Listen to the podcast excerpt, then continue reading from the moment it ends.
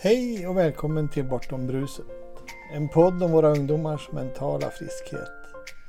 Vi som gör den är jag, Ivan Karlsson, och min kollega och kära vän Cecilia Hector. Vi har båda stirrat mörkret i vitögat och tagit oss ur det mörkret. Nu vill vi visa på vårt medfödda välmående och att vad som än händer omkring oss kan vi må bra. Att det är okej okay att inte vara okej. Okay. Att det bortom bruset finns en piccoloflöjt. Välkommen och tack för att ni lyssnar.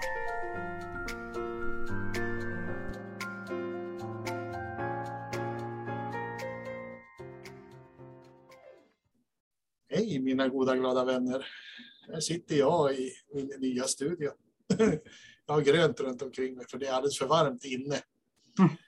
Ivan Karlsson här med Bortom bruset och med mig har jag då några kilometer bort men ändå nära i en skärp min älskade vän Cecilia.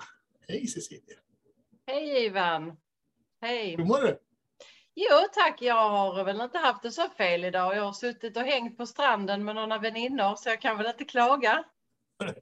Det är synd att klaga, Men jag har ju inte haft semester denna sommaren. Det ska, jag, det ska jag ärligt säga att jag inte har. Men det är ju det där att hitta stunderna av njutning mellan eh, arbete och... Mm. Ja.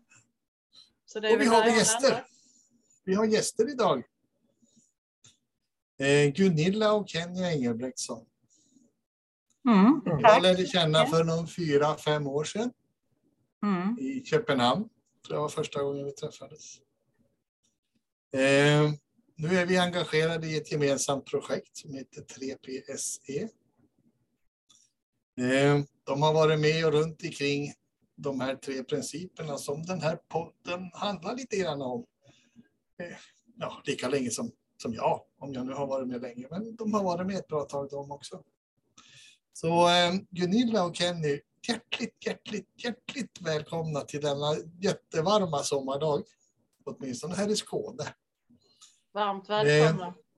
Mm, berätta lite grann om er, vad ska vi säga, upptäckt av hur vi faktiskt fungerar när det gäller...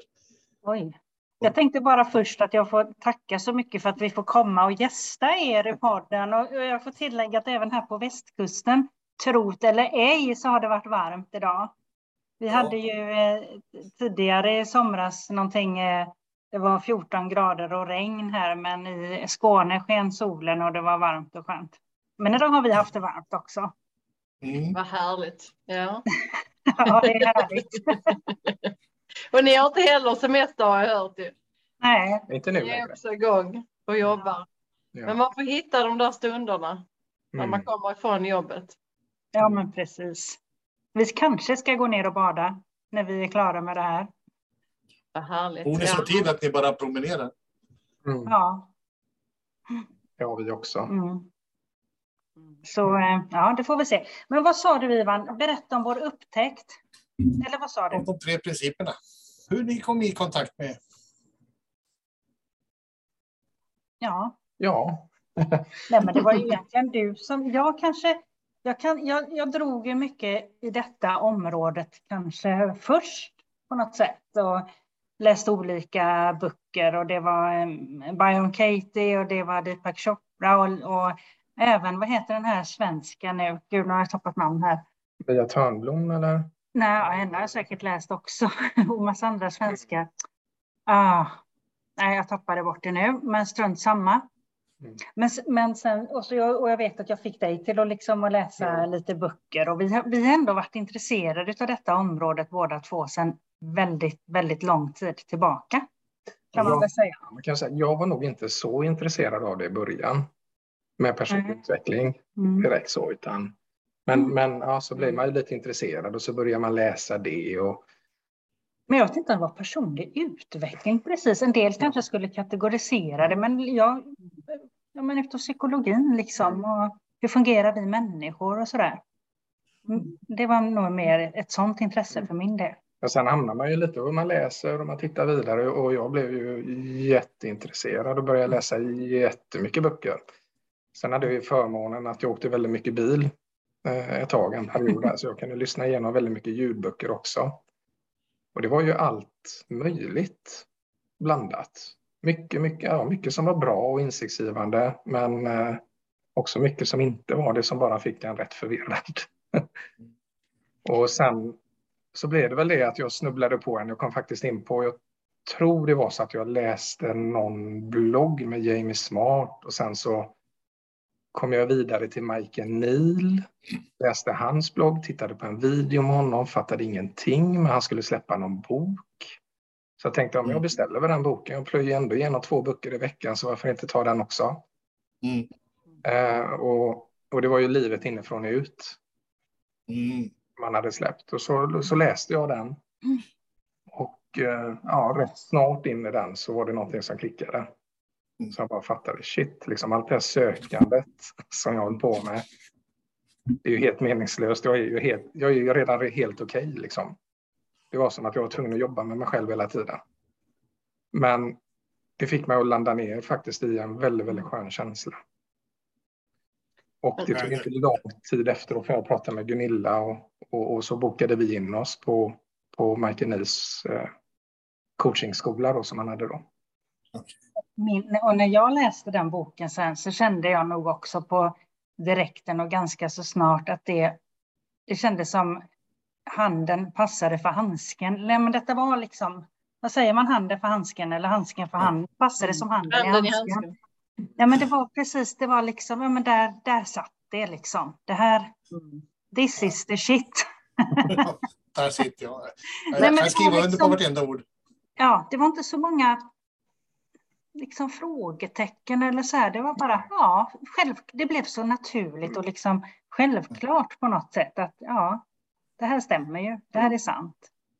Men var det så att ni hade mått dåligt eh, dessförinnan eh, själva liksom? Eh, hade, hade ni sökt eftersom ni hamnade i det här att ni kom över en massa böcker och sådär. Var det så att ni hade gått med, med mycket oro eller tankar som var jobbiga som gjorde att ni var sökande? Eller var det via något yrke, att ni ville mm. jobba med det här på något sätt? Eller på vilket sätt? Eh? Ja, kanske för min del var det nog eh, mer via yrket faktiskt och mitt intresse liksom kring psykologin. Det, det var jag säkert intresserad av sedan tonår, tonåren, Eh, eh, psykologi då. Men, eh, eh, och sen var det nog mer via jobbet när jag kom in i, och jag blev chef ganska tidigt i, ja, i yrkeslivet. Och då, det, och då kommer man in på det och med ledarskap och hur fungerar vi människor och hur ska vi vara som ledare och hur motiverar man medarbetare och liksom det väcktes ett stort intresse kring det. Och i, jag tror att många känner igen sig från företagsvärlden, där är man ju specialist på liksom att dela in människor i olika kategorier eller olika färger eller liksom man är på ena eller andra sättet. Um, och det tyckte jag också, det tyckte jag absolut var liksom intressant. Så det fanns liksom ett, ett, ett starkt intresse kring det. Men sen, det gjorde det hela tiden. Uh, men sen kan vi säga dessförinnan, kanske när vi, när jag var runt, ja men du vet, 35 års ålder, man har jobbat ett tag och vi hade barn. Det var liksom ganska mycket med, med jobb och karriär och liksom press på något sätt därifrån och mycket hemma mm. med bara två barn men ändå liksom och, och sådär. Så att det var ju väldigt, väldigt, väldigt stressigt under en lång period utav mitt liv liksom. Mm. Det var det värt. Och, och eh, absolut perioder liksom där jag känt mig, ja men du vet man tappar liksom lite lusten och känt sig låg och liksom inga riktigt humör på någonting men så, och det jag menar det är väl kanske någon nyans av depression som jag tror hade bottnade mycket i stressen som var. Men det var ingenting som, eh, som jag har sökt för eller så. På det, inget, inget uttalat eller som jag egentligen känt. Det menar jag reflekterar i efterhand över den här perioden i livet. Så det, det var nog liksom lite tungrot så här överlag. Det, det var jobbigt liksom. Mm. Mm, jag vet ju att ni fick, ni fick ett intresse också för våra ungdomars mentala friskhet. Ja, men absolut. Men där kan man ju säga liksom min, min, min väg, om det, det som du frågade Cecilia, just då när jag kom i, med, i kontakt med principerna, då var det ju mer då vill jag bara bli mer effektiv. Jag kände hela tiden att jag levde på, på, på gränsen av min förmåga. Liksom jag skulle upp och prata inför stora, män, eller för stora folksamlingar och hade mycket rädslor jag mötte och sånt. Då.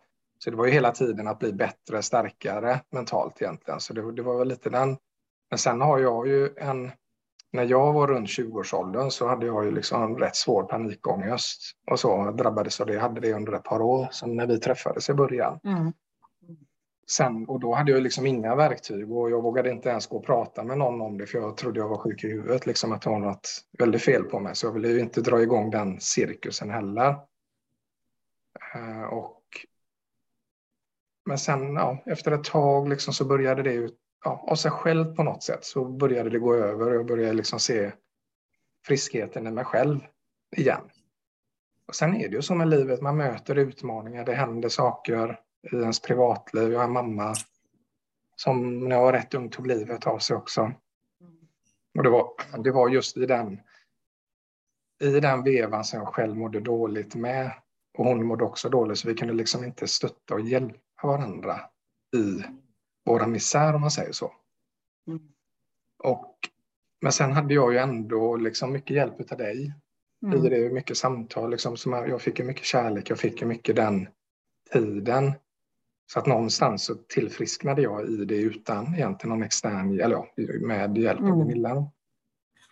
Och sen kom barnen och sånt och så ser man ju deras utveckling och sen så märker man ju på barnen när de börjar få svårigheter, du vet när de kommer in i vissa mm. åldrar. Mm.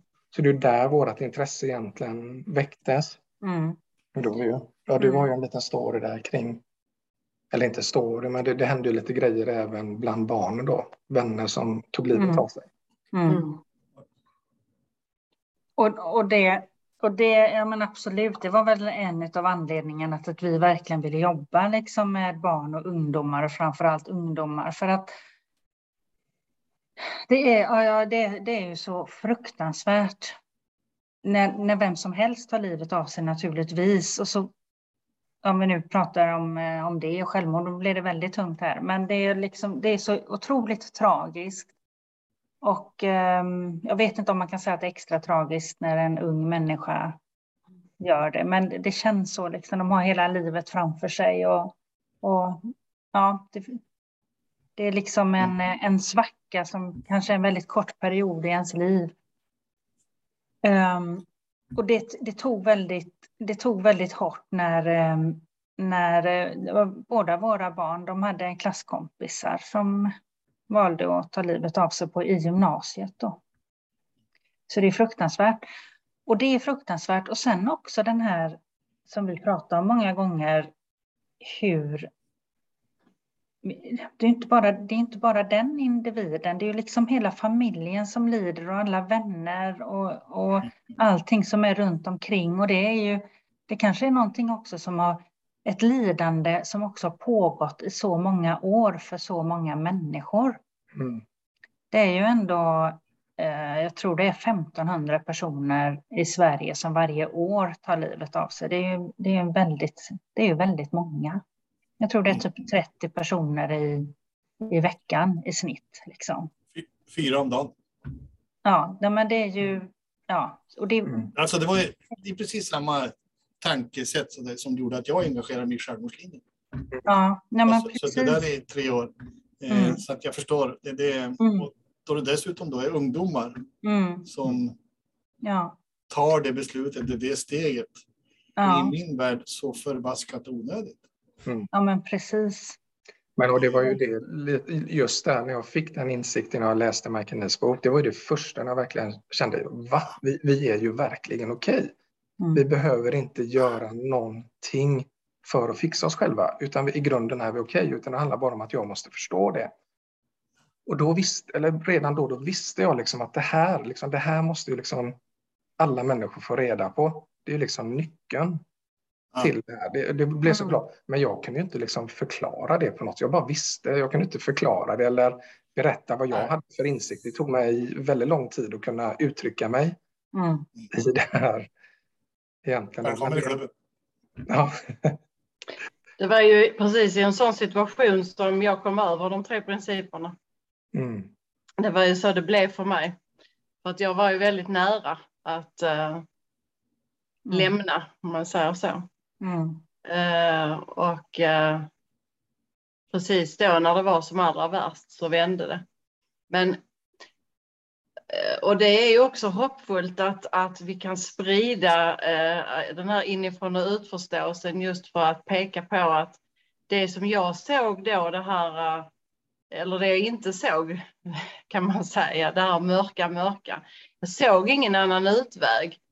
Det eh, är inte på samma sätt idag.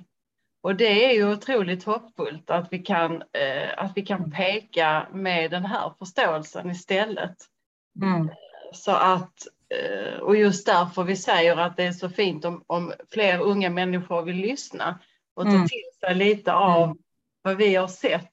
För att eh, för mig så var det väldigt, eh, det var stängd dörr.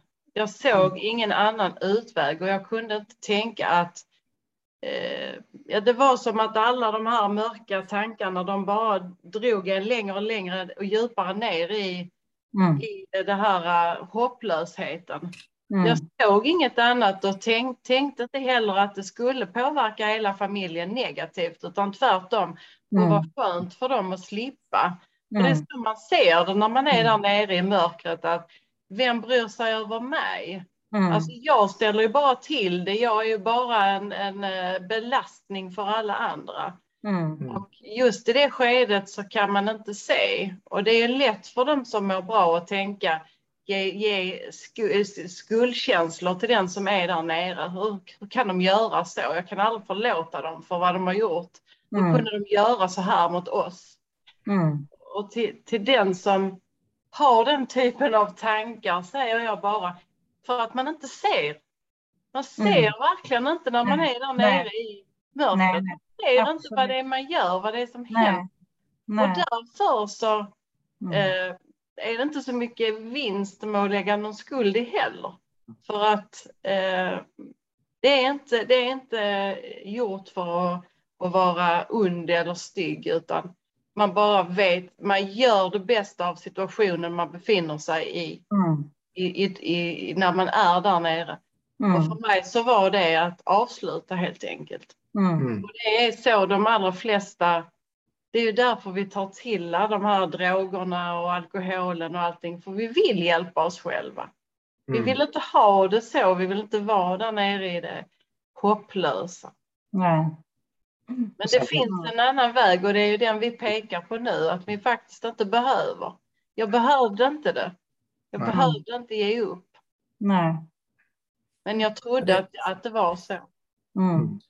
Det är bara att komma igenom den där bubblan som den där lilla Mm. människan befinner sig i. Mm. Precis som du säger Cecilia. Det är... Ja, det blir som Enterprise. Skydds, skyddsskärmen är uppe och då hör man ingenting någonstans Mm. överhuvudtaget. Så det enda som vi utanför kan göra det är Mm. egentligen bara att visa kärlek. Mm. Sträcka ut en hand Mm. utan att skuldbelägga på något vis. Bara Nej. tala om att du är okej. Du är Mm. okej och upprepa det om och om igen. Det var Mm. vad jag gjorde i mina samtal på självmordslinjen. Och de som kom in och grät, de lämnade med ett skratt. Mm. Nu ska jag gå och sova. Då hade Mm. de inte... Mm. Jag satt i nätterna. Så att eh, kärlek är svaret på allt i Mm. min värld. Mm. Hela tiden. Ja, och för ungdomar, vad är det man behöver när man är ungdom? Eller vad är det man behöver när man är ledsen? Nej, Vad är men det man precis. behöver då? Jo, Ja. man behöver någon som står stadigt på, på Mm. fötterna på jorden Mm. och, och liksom visar, visar den här äh, fridfulla, lugna vägen och, och äh, kärleken och Den inte pekar ännu mer på problemen. För Nej. de har man fullt av själv, man behöver ju inte dem. Mm. Det är Den- liksom, Den villkorslösa kärleken. Mm. ja. Mm. Men det, och det, och det ligger ju... Ehm, alltså jag menar som förälder, så, och man älskar ju sina barn så otroligt mycket och det är ju det mest värdefulla man har. Och, och såklart är man ju rädd att det ska hända saker för ens barn, så man vill skydda dem. Man kanske förmanar dem och tänk på det och tänk på det andra. Eh, man kanske bannar dem om de har gjort någonting som är liksom eh, som kan vara farligt eller sånt där. Och det, och det är också liksom det är också naturligt för man vill skydda dem man älskar mest. Men som du sa precis Cecilia, det är ju, det är ju bara liksom kärlek. Man behöver ge dem den här villkorslösa kärleken och inte skälla på barnen. Jag tycker den här, eh, det där citatet är så bra. Eh, nu var det länge sedan jag läste det, men det är typ så här, love me the most when I deserve it, mm. at least. Något i den stilen. Mm. Och, eh, jag tänker, hur blev det? Hur blev det när ni då kom över? Eh, det var Michael Neal Mm. Ja. ja. Den här inifrån och ut. Eh, hur blev det då i relation till, på vilket sätt kunde ni liksom eh, dela med er, om ni nu delade med er till era barn som faktiskt gick igenom det här med sina, sin vän? Och... Mm. mm. Jag tror, i början hade jag ju när man, jag hade den här förståelsen, det blir alltid en sån här mixed, lite utsidan in, insidan ut i början. Mm. Och jag tyckte det var jobbigast med, med nära och kära liksom och, och, och liksom släppa, min, ja, släppa den negativiteten. För man har mycket investerat i dem man älskar. Mm. Uh, och man har liksom, man har mycket investerat, man, man har många förväntningar, kanske man förväntar sig någonting. Mm. Uh, men jag, jag kommer ihåg en sån otroligt klar eh, grej när jag fick ännu djupare insikt när jag verkligen såg det här i action, att jag hade förändrats. Och det var en sån här banal grej, liksom en vardagsgrej. Jag kom hem från jobbet, min dotter som var 17 år hade, hade då varit hemma eh, hela dagen. Och jag kommer hem, jag vet när jag lämnade så var det, då var liksom disken och allting undanplockat och så kom jag hem och så är disken inte där. Och då säger jag hennes namn, typ Felicia. Och då med en gång så hör hon bara tonen på min röst. Då svarar hon ju givetvis, ja vad är det? Typ sådär irriterat och så var liksom karusellen igång. Och då börjar ju mitt tänkande, ja, men hon, du, ja, du har ju varit hemma hela dagen och så börjar jag uttrycka det, jag börjar bli märkbart irriterad. Ja, men du bara kommer hem och klagar och du bara gnäller, det, det är det första du säger. Och, och ja, jag kommer ändå plocka undan det, ja men det säger du jämt. Och så börjar den här karusellen. Men i, med hjälp av den förståelsen att jag hade det är ju jag som skapar detta nu. Jag, jag, hade ju liksom ändå blivit lite grundad i det. Så det gav mig faktiskt utrymme att få in en annan tanke. Parallellt med min, nästan med, med min irritation jag var uppe i känslorna, så fick jag in en tanke som bara sa till mig att men hon vill ju bara bli älskad. Det, det är ju det hon vill. Mm. Och på, ett, alltså på bråkdelen av en sekund så bara släppte all min ilska, all min irritation och då sa jag till henne, Felicia, eh, eh, ja, förlåt, jag, jag ber om ursäkt, eh, jag älskar dig. Vi, tar, vi, vi kan prata mer om detta sen. Och hon var ju fortfarande arg och upprörd och gick in på sitt rum. Och sen hon kom ut ur rummet efter en timme eller någonting, och då var hon ju lite lugnare. Och, och då sa jag, ska vi gå iväg och käka en pizza tillsammans? Och då vet jag, då tog jag med mig ett block och en penna och så började jag rita liksom vad som hade hänt vad som hade hänt med mig och vilken insikt jag hade fått i den. Och sen dess så har vi inte haft sådana bråk alls. Det, är bara, det, det finns inte. Utan vi, vi antingen märker mig på varandra att okej, okay, nu är den andra uppe eller så säger vi det, jag är lite på lite dåligt humör. Och då, då liksom låter vi varandra vara. Och jag vet ett tag när hon, hon själv blev lite upprörd under ett tag och då då kom hon in, ja, då blev hon upprörd och så gick hon iväg. Men sen kanske bara tog fem minuter så kom hon tillbaka, förlåt, jag var bara lite upprörd och, och så. Så det blev så enkelt med detta. Mm. Sen är ju inte det lösningen på allt. Vi har ju fortfarande humör och hit och dit, men, men det, det är en förståelse liksom. Men sen var det väl också lite när vi var typ nyfrälsta med det här och och man vill, ju verkligen, man vill ju verkligen dela med sig av det till de man älskar som mest. För man ser ju vilken, vilken stor nytta det är för en. Men det är inte alltid så lätt liksom att eh, som förälder och liksom lära sina tonåringar det här och liksom stora barn. Det är inte, inte att lära ut på det sättet, liksom. för de, blev, de var ju ganska trötta på oss och de ville inte läsa böcker och inte titta på filmer och inte göra det ena med det andra. Men då fattade vi ju efter ett tag att nej, men de behöver inte göra det för att de, de lär sig det genom hur vi är. Mm. Genom hur vi är och agerar så liksom får de, den här, får de det här med sig. Jag kan verkligen känna igen det Kenny med, med det du säger. För det, det, jag tycker det, det, svår, det har varit det svåraste hittills att eh, liksom med barnen hemma. Mm. Alltså, man sitter fast i lite gamla, eh, ja, mm. det, vi har fortfarande sådana samtal och eh, mm. det, det är ibland svårt att hålla humöret även med förståelse, men oh, det går ja. snabbare. Det ja. går snabbare att komma tillbaks, men, mm. men eh, ja, det är de här eh, rösterna som kommer och säger en mm. massa. Och de, ja, men vi får vara snälla mot oss där också ja. och ja. förstå att vi har, vi har liksom levt på ett visst sätt och, mm. och eh, plötsligt så har vi, eh, börjar vi se det på ett annat vis. Och, och samhället i sig hänger inte riktigt med i allt detta heller, utan vi, vi fastnar i eh, spelet också. Mm. Mm. mm. Absolut.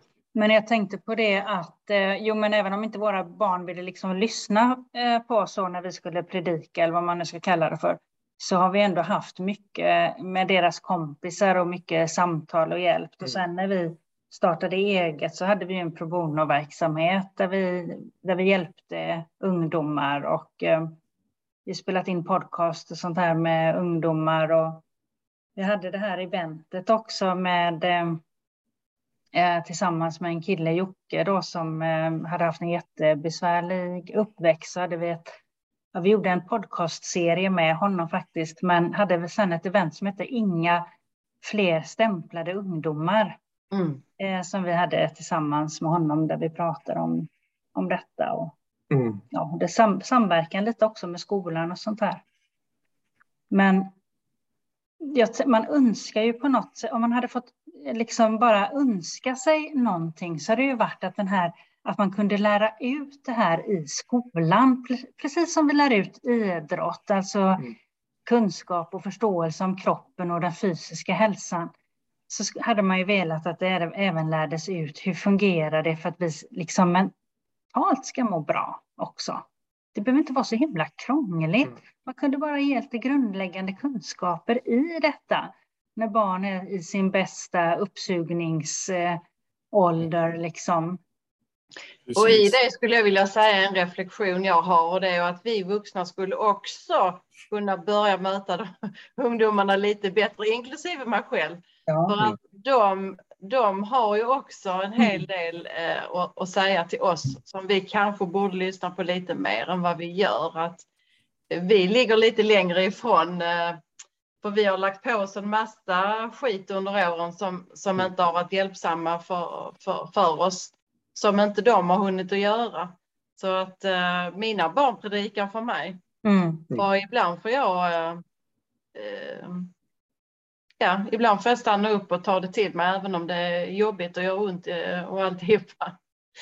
Men det, det kommer en del visdom därifrån också. Ja, håller med till hundra procent. Barnen och ungdomarna är många gånger de klokaste mm. av oss alla. Mm. Ja, när vi får den här kontakten med ungdomarna, som du då Kenny med din dotter, eh, alltså därefter så har, man, har vi en helt annan relation med ungdomarna. Mm. Och de kan många gånger bli våra bästa lärare. Mm. Men det var ju liksom både jag och Felicia, liksom min dotter, då liksom, eller vår dotter, att, att vi vi visste ju att vi på djupet att vi älskar varandra, men det var ju liksom att vi var inte rädda heller för att, att bråka med varandra. Va? Men sen så såg vi att det var ju meningslöst. Det, det gjorde ingen nytta för oss. Alla känslor blev okej okay, plötsligt. På något sätt. Det är titeln på dagens avsnitt. Mm.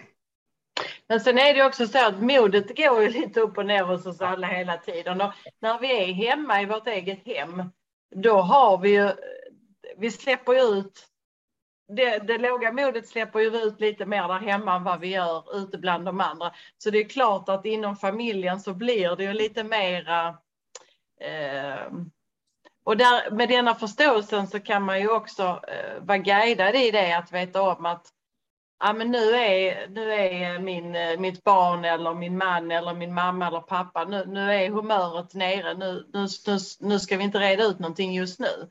Där kan man ju bli lite duktigare för att det traditionella säger ju att man ska reda ut allting.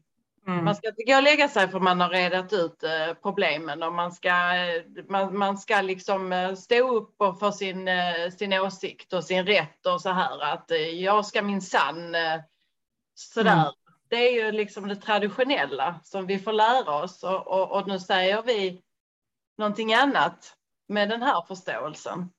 Att det kanske har mer med mig att göra än Mm. Så att det, det, är ett annat sätt att se på det än vad vi är vana vid och det är klart att, att äh, när vi är hemma och äh, vi äh, hamnar i, vi blir trötta och vi får dåligt lågt mod så, så fastnar vi ju lättare med familjen. Mm.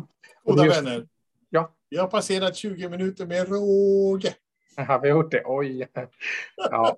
Nej, men jag bara tänkte på det du sa där, liksom bara Cecilia, där som en grej. Förlåt Ivan. Ja, vi får höra det Kenny. Absolut. Nej, men jag, men jag bara tänkte på just det som är grejen. Det här är ju liksom inte något fixa ditt humör eller någonting, utan det, det är liksom en förståelse du tar med dig ner när du är deppig och det gör all skillnad. Precis, en guide. Det är, det, är det. För att navigera lättare i livet. Vi kan inte plocka bort livet som är, utan vi, vi ska navigera lite lättare bara. Mm. Och det gör vi också med denna förståelsen, absolut. Mm. Tusen, tusen tack Gunilla och Kenny för att ni var med och delade. Tusen tack för er också. Stor, stor, risk att det blir en part två. ja. Det är viktiga saker vi lyfter. Ja. Tack, tack, tack. Tack så mycket. Tack.